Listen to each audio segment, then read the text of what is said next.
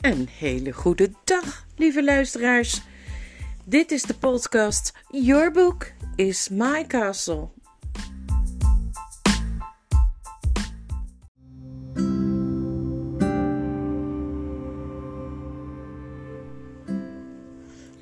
Nu zijn we alweer aangekomen bij de 65ste aflevering van Your Book is My Castle. En uh, nou, het lijkt er ook wel een beetje op hè, dat het een kasteel wordt en dat we erin wonen. Af en toe. Ja, ik kan zo lekker wegdromen bij deze boeken. Heerlijk om uh, op het avontuur te zijn. En uh, ja, het gaat er niet zachtjes aan toe, want dit schip, ja, het schudt altijd in een schip. Het gaat altijd maar op en neer en heen en weer. Dus uh, ik ben benieuwd hoe het verder gaat met Eustace, die dat allemaal niet zo leuk vindt. Hoofdstuk 3 De verlaten eilanden. Land in zicht! riep de uitkijk vanaf de voorplecht. Lucie, die met Rins had staan praten op het achterdek, kwam haastig de ladder afgestommeld en rende naar voren. Onderweg voegde Edmund Edmund zich bij haar en toen ze op de voorplecht kwamen waren Caspian, Drinian en Rippertjeep daar al. Het was een tamelijk koude ochtend. De lucht was heel lichtblauw en de zee heel donkerblauw met witte schuimkopjes. En daar, voor en uit, aan stuurboord, lag het eerste van de verlaten eilanden, Felimat als een lage groene heuvel in zee, met daarachter, een beetje verder weg, de grijze hellingen van het volgende eiland, Doorn. Nog hetzelfde Felimat van vroeger. En hetzelfde Doorn, zei Lucie opgewonden. Oh, Edmund, wat is het lang geleden dat jij en ik dit voor het laatst gezien hebben. Ik heb nooit begrepen waarom ze bij Narnia horen, zei Caspian. Heeft de hoge koning Peter ze veroverd? Nee hoor, zei Edmund. Die hoorde al voor onze tijd bij Narnia. In de tijd van de witte tovenares al, tussen twee haakjes. Ik heb tot nog toe nooit gehoord hoe die afgelegen eilanden bij het Rijk van Narnia gekomen zijn. Maar als ik er ooit achter kom en het verhaal is de moeite waard, dan vertel ik het misschien wel in een volgend boek. Is het de bedoeling dat we dit eiland aandoen, sire? vroeg Trinian. Ja, ik denk niet dat we er veel aan hebben als we Felimat aandoen, zei Edmund. In onze tijd was het vrijwel onbewoond en het ziet er nou uit dat dat nog steeds zo is. De meeste mensen woonden op Doorn en sommigen op Avra. Dat is het derde eiland. Je kunt het van hieraf nog niet zien. Op Felimat werden alleen maar schapen gehouden. Dan zullen we wel om die kaap heen moeten varen, zei Trinian, en op Doorn aan land gaan. Dat betekent dat we zullen moeten roeien. Ik vind het jammer dat we Felimat niet aandoen, zei Lucie. Ik zou daar best weer eens wat rond willen wandelen. Het was er zo eenzaam. Het was een en al gras en klaver en de zachte lucht van de zee. Ik zou het heerlijk vinden om even mijn benen te strekken, zei Caspian. Weet je wat? Als wij ons nou eens met de sloep aan land laten zetten, dan sturen we de sloep weer terug en kunnen wij lopend Velimat oversteken om ons aan de andere kant van het eiland weer door de dageraad te laten oppikken. Als Caspian op dat moment al de ervaring had gehad die hij later tijdens deze zeereis zou opdoen, had hij dat vast niet voorgesteld. Maar nu leek het een uitstekend plan. Hé ja, zei Lucie, laten we dat doen. Jij gaat toch ook wel mee, hè? zei Caspian tegen Eustace, die met zijn hand in verband aan dek was verschenen. Om van die verrekte boot af te komen doe ik alles, zei Eustace. Verrekt? zei Drinian. Hoe bedoel je? In beschaafde landen, zoals waar ik vandaan kom, zei Eustace, zijn de schepen zo groot dat je binnen niet eens merkt dat je op zee bent. In dat geval kun je dus even goed aan wal blijven, zei Caspian. Wil je zeggen dat ze de sloep te water laten, Trinian? De koning, de muis, de beide preventies en Eustace klommen allemaal in de sloep en werden naar het strand van Velimat geroeid.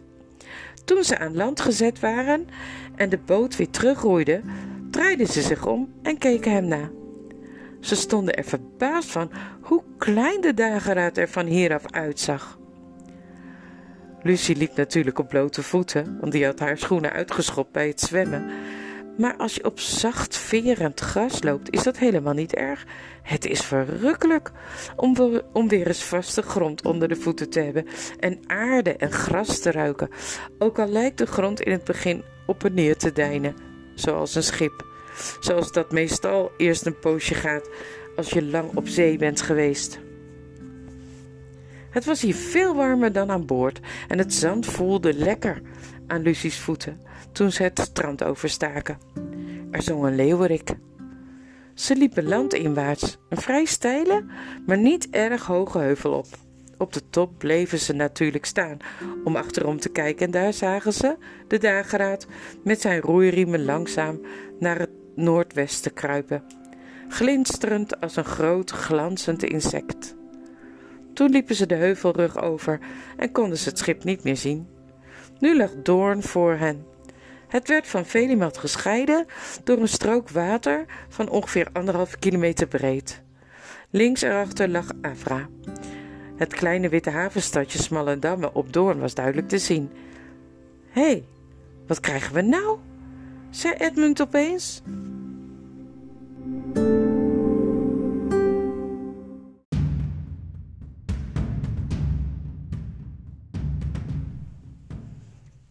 In het groene dal.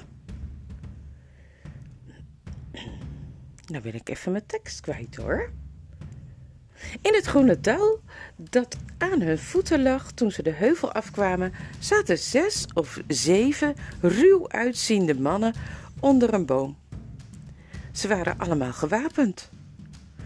Niet vertellen wie we zijn hoor, zei Caspian. En, majesteit, waarom niet, als ik vragen mag, zei Rippertjeep die ze hadden overgehaald mee te rijden op Lucie's schouder. Het schiet me juist te binnen, antwoordde Caspian, dat ze hier al lang niets meer van Narnia gehoord hebben. Het kan best zijn dat ze onze heerschappij niet meer erkennen. En in dat geval zou het wel eens gevaarlijk voor mij kunnen zijn als ze weten dat ik de koning ben. We hebben toch onze zwaarden, sieren, zei Ripetjeep. Dat moet ik eigenlijk anders doen. We hebben toch onze zwaarden, sieren, zei Ripetjeep met zijn mooie, lichte, dappere stem. Jawel, Rip, dat weet ik, zei Caspian. Maar als het nodig mocht blijken te zijn alle drie de eilanden opnieuw te veroveren, zou ik toch liever met een wat groter leger terugkomen. Ze waren intussen vlak bij de vreemde mannen gekomen en een van hen, een grote kerel met zwart haar, riep tegen hen: Goedemorgen. Ook goedemorgen, zei Caspian. Is er nog steeds een gouverneur op de verlaten eilanden? Zeker, zei de man. Gouverneur Grompus. Zijn genoegzaamheid woont in Smalle Dammen, maar jullie blijven hier natuurlijk wat met ons drinken. Caspian bedankte hem en nam het aanbod aan, hoewel het gezicht van hun nieuwe kennis hem niet erg aanstond en de anderen al even min. Ze gingen allemaal zitten. Maar nauwelijks hadden ze een beker aan de mond gebracht, of de man met het zwarte haar knikte tegen zijn kornuiten en alle vijfde bezoekers voelden hoe ze door een paar sterke armen vliegensvlug werden vastgegrepen. Eerst stribbelden ze even tegen, maar het was een ongelijke strijd en al gauw waren ze allemaal ontwapend en zaten hun handen vastgebonden op hun rug, behalve die van Rippercheap, die zich probeerde los te worstelen uit de greep van zijn belager en als een bezetene van zich afbeet. Voorzichtig met dat beest, Rats, zei de leider. Pas op dat je hem niet beschadigt. Het zou me niks verbazen als die me straks nog het meeste geld opbrengt van het hele stelletje. Onderkruipsel, lafaard, piepte Rippercheap luidkeels. Geef me mijn zwaard en maak mijn poten los als je durft. Nee, maar de slavenkoning want dat was hij. De slavenkoopman, want dat was hij, floot verrast tussen zijn tanden. Hij kan nog praten, ook heb je ooit. Ik mag hangen als ik voor dat beest niet minstens 200 sikkels krijg. De Calormeense sikkel is in die streken de belangrijkste munt en is ongeveer 3 euro waard. Nou. Dus dat zijn jullie, zei Caspian kidnappers, slavenhandelaars. Jullie zijn zeker wel trots op jezelf. Nou, nou, kom, kom, zei de slavenkoopman. Begin nou niet te zeuren, jij. Hoe beter je meewerkt, hoe prettiger het voor iedereen is, snap je wel? Ik doe het ook niet voor mijn lol. Ik moet ook de kost verdienen, net als iedereen. Waar brengen jullie ons naartoe? vroeg Lucie. Ze kon maar met moeite de woorden uit haar keel krijgen. Naar de overkant, naar Smallendamme, zei de slavenkoopman. Morgen is het marktdag. Hebben ze daar een Britse consul? vroeg Eustace. Hebben ze daar een wat? Voor ding? zei de man. Maar lang voordat Eustace het kon uitleggen, het uitleggen ook helemaal beu was, zei de slavenhandelaar gewoon weg. Nou, ik heb er schoon genoeg van. Wat een gebazel. Met die muis hebben we meevaller. Maar deze hier klets je de gaten in je sokken. Kom jongens, we gaan. Toen werden de vier menselijke gevangenen met touwen aan elkaar gebonden, niet ruw, maar wel stevig, en moesten ze op een rij de heuvel aflopen naar het strand. Rippercheap werd gedragen. Hij was opgehouden met bijten, omdat ze gedreigd hadden zijn snuit dicht te binden. Maar hij bleef onafgebroken razen en tieren. En Lucie vroeg zich werkelijk af hoe iemand zich ooit kon laten zeggen wat de muis allemaal tegen die slavenhandelaar zei. Maar de slavenhandelaar had er juist helemaal niks op tegen. Het enige wat hij zei was: ga lekker door. Telkens als Rippercheap even stopte om adem te halen. En zo nu en dan zei hij: Het lijkt wel een hoorspel of bliksems. Als je niet beter wist, zou je bijna denken dat hij weet wat hij zegt. Of heeft een van jullie hem dat allemaal geleerd? Dat maakte Rippercheap zo razend dat hij tenslotte bijna stikte in al die dingen die hij tegelijk wilde zeggen. En toen hield hij zich verder stil. Toen ze bij het strand aan de kant van Doorn kwamen, ontdekten ze dat daar een klein dorp lag. Er lag een roeiboot op het strand en een eind verder de zee op lag een vuil, armoedig uitziend schip. Nou, jongelui, zei de slavenhandelaar, als we ons nou even allemaal netjes gedragen, dan gebeuren er ook geen dingen waar jullie spijt van krijgen. Instappen allemaal. Op dat moment kwam er uit een van de huizen, een herberg denk ik, een voornaam uitziende man met een baard naar buiten. Die zei: Zo, peuk, alweer nieuwe koopwaar. De slavenhandelaar, die blijkbaar Peuk heette, maakte een hele diepe buiging en zei met vreemde stem: Ja, zeker, heer, met uw goedvinden. Hoeveel vraag je voor die jongen? vroeg de ander. Hij wees naar Caspian. Aha, zei Peuk. Ik wist wel dat u edele meteen de beste eruit zou pikken. De edele heer laat zich niet met tweede keus afschepen. Neem nou die jongen, ik vraag me af of ik die zelf niet zal houden. Ik ben min of meer aan hem gehecht geraakt, eerlijk waar. Ik heb zo'n gevoelige natuur dat ik dit werk eigenlijk nooit had moeten gaan doen. Maar ja, voor een klant als u, edele heer. Vooruit ermee, bloedzuiger. Wat moet u kosten? zei de edelman streng. Denk je soms dat ik zin heb om al dat geleuter aan te horen dat bij jullie smerige beroep hoort? Voor u driehonderd sikkels, hooggeëerde heer, maar voor ieder ander, ik geef 150. Alsjeblieft, alsjeblieft, barstte Lucie uit.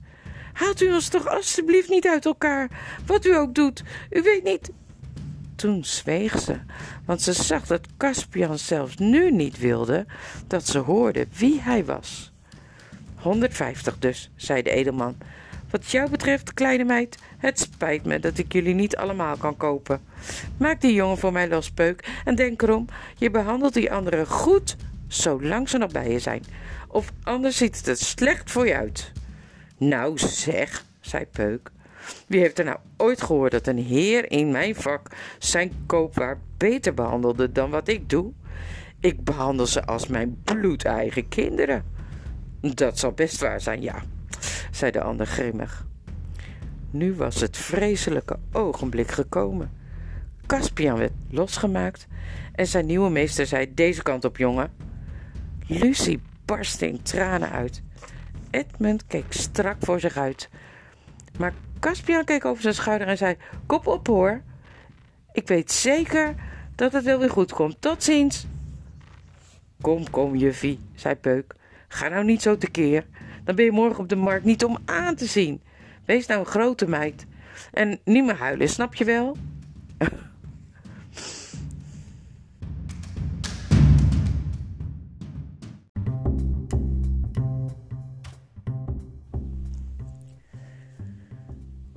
Toen werden ze met de roeiboot naar het slavenschip geroeid en beneden in het ruim gebracht, in een lange, schemige ruimte, waar het niet bepaald fris rook.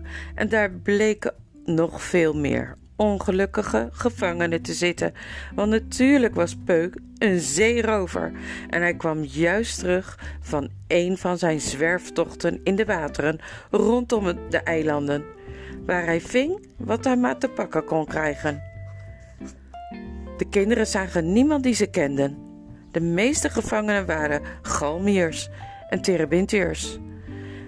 En daar zaten ze dan in het stro en alles wat ze doen konden was zich afvragen wat er nu met Caspian zou gebeuren. En proberen Eustace, die maar zat te praten alsof het iedereen zijn schuld was, behalve de zijne, zijn mond te laten houden. Wat Caspian intussen beleefde was veel interessanter. De man die hem gekocht had, nam hem mee over een smal paadje tussen twee van de huizen van het dorp door en zo kwamen ze op het open veld achter het dorp uit. Toen draaide hij zich om en keek Caspian aan. Je hoeft niet bang voor me te zijn, jongen, zei hij. Ik zal je goed behandelen. Ik heb je gekocht om je gezicht. Je doet me aan iemand denken. Mag ik vragen aan wie, heer? zei Caspian. Je doet me denken aan mijn meester, koning Caspian van Narnia.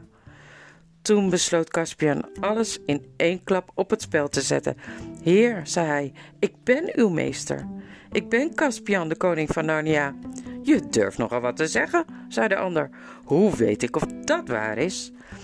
In de eerste plaats aan mijn gezicht, zei Caspian. In de tweede plaats, omdat ik binnen zes keer raden weet wie u bent. U bent een van de zeven edelen uit Narnia die mijn oom Miras de zee opgestuurd heeft en die ik ben komen zoeken. Argos, Bern, Octesian, Restimar, Mavramorn of, of de andere ben ik even vergeten. En tenslotte, edele heer, als u mij een zwaard geeft, zal ik in een eerlijk tweegevecht met wie u maar wilt bewijzen dat ik Caspian ben zoon van Caspian, wettige koning van Narnia, heer van Kerpervel, keizer van de verlaten eilanden. Grote goedheid, riep de man uit. Het is precies de stem van je vader en dezelfde manier van spreken. Ik bied u mijn diensten aan, majesteit. En hij knielde in het gras neer en kuste de koning zijn hand. De onkosten die u voor mijn persoon gemaakt hebt, zullen vergoed worden uit mijn eigen schatkist, edele heer, zei Caspian. Dat geld heeft Peuken anders nog niet in zijn zak, sire, zei heer Bern, want die was het. En ik reken erop dat het daar ook nooit terecht komt. Ik heb er al wel honderd keer op aangedrongen dat zijn de genoegzaamheid de gouverneur deze smerige handel in menselijke koopwaar zou uitroeien. Heer Bern, zei Caspian, we moeten de toestand op deze eilanden eens bespreken. Maar mag ik eerst eens weten, edeleer, hoe u hier zelf terechtgekomen bent? Dat is maar een kort verhaal, sire, zei Bern. Ik ben samen met mijn zes reisgezellen hierheen komen varen. Ben gaan houden van een meisje, hier van de eilanden, en besloot dat ik genoeg van de zee gezien had. Teruggaan naar Narnia had geen zin, zolang uw majesteits oom er de macht in handen had. Dus ben ik hier getrouwd en heb ik hier sindsdien altijd gewoond. En wat is die gouverneur, die Gompus, voor iemand? Erkent hij de koning van Narnia nog steeds als zijn meester? Met woorden wel. Alles wordt gedaan in de naam van de koning, maar hij zal wel niet zo blij zijn als er ineens een echte levende koning van Narnia voor zijn neus staat. En als uw majesteit alleen een ongewapend naar hem toe zou gaan, tja, dan zou hij wel volhouden dat hij de koning nog steeds trouw is, maar hij zou net doen alsof hij u niet gelooft. Uw leven zou gevaar lopen, zeren. Hoeveel gevolgen heeft uw majesteit in deze wateren? Dat is mijn schip, dat daar net om die landpunten heen komt varen, zei Caspian. We zijn met ongeveer dertig zwaarden. Als het op een gevecht zou uitdraaien, zouden, mijn schip niet, zouden we mijn schip niet binnen laten lopen en Peuk overvallen en mijn vrienden die hij gevangen houdt bevrijden? Als u naar mijn raad wil luisteren, niet, zei Bern. Zodra er gevochten zou worden, zouden er twee of drie schepen vanuit Smallendam uitvaren om Peuk te helpen. Uw majesteit moet meer machtsvertoon laten zien dan u in werkelijkheid hebt. En gebruik maken van de angst die de naam van de koning de mensen inboezemt. Het moet niet tot een open gevecht komen. Grompus is maar een man met een hazenhart. Die laat zich wel overdonderen hoor. Nadat ze nog wat gepraat hadden, liepen Caspian en Bern een beetje ten westen van het dorp naar beneden, naar het strand. Daar blies Caspian op de hoorn. Dat was niet de beroemde wonderhoorn van Narnia, de hoorn van koningin Suzanne. Die had hij thuis gelaten bij zijn regent Trompoen, zodat die hem kon gebruiken als er iets ergs zou gebeuren in het land tijdens de afwezigheid van de koning. Trinian, die al op een teken stond te wachten, herkende de koninklijke hoorn meteen en de dageraad liet een eindje voor de kust het anker vallen. Toen werd de roeiboot uitgezet en een paar minuten later stonden Caspian en heer Bern al aan dek en legden de toestand aan Trinian uit. Ook hij wilde, net als Caspian, dadelijk de dageraad bij het slavenschip langs zij brengen en aan boord stappen, maar Bern maakte weer hetzelfde bezwaar. Ik zou rechtdoor varen, dit kanaal uit, kapitein, zei Bern. Dan de bocht om naar Avra, waar mijn landgoed ligt. Maar zorg dat u eerst de banier van de koning hijst. Hang alle schilden buiten. Stuur zoveel mogelijk gewapende mannen het kraaiennest in. En dan moet je ongeveer vijf pijlschoten verder, als je eenmaal de open zee aan bakboord krijgt, wat puur vuurpijlen afschieten om te seinen. Seinen? Tegen wie? zei Trinian.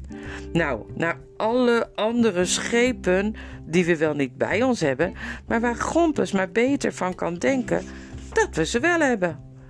Oh, ik begrijp het al, zei Trinian en hij wreef zich in zijn handen.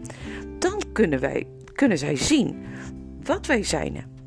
Wat zal ik eens zeggen? De hele vloot rond de zuidpunt van Avra en verzamelen bij Bernstede, zei heer Bern. Dat lijkt me uitstekend. Dan zouden onze schepen, als we ze gehad hadden, de hele weg niet vanuit Smallendam te zien zijn. Caspian had medelijden met de anderen die nu gevangen werden gehouden op het slavenschip van Peuk, maar hij kon het niet helpen dat hij zelf de rest van die dag genoot. Ze wenden de stevene stuurboord en voeren om de noordoostpunt van Doorn heen en toen weer naar bakboord om de punt van Avra heen. En zo liepen ze laat in de middag, want ze moesten de hele weg roeien, een mooie haven binnen aan de zuidkust van Avra waar de liefelijke landerijen van Bern tot aan de waterkant omlaag glooiden. De mensen die voor Bern werkten, en waarvan ze er een heleboel op de landerijen aan het werk zagen, waren allemaal vrije mensen. En het was een goed en welvarend landgoed. Daar gingen ze met z'n allen van boord. En in een groot, laag huis met zuilen aan de voorkant, dat uitkeek over de baai, werden ze onthaald op een vorstelijk maal. Bern, zijn lieve vrouw en hun vrolijke dochters maakten het een heel gezellig. Maar toen het donker was geworden, stuurde Bern een boodschapper met een bootje naar Doorn om wat voorbereidingen. Hij zei niet precies wat voor voorbereidingen te treffen voor de volgende dag.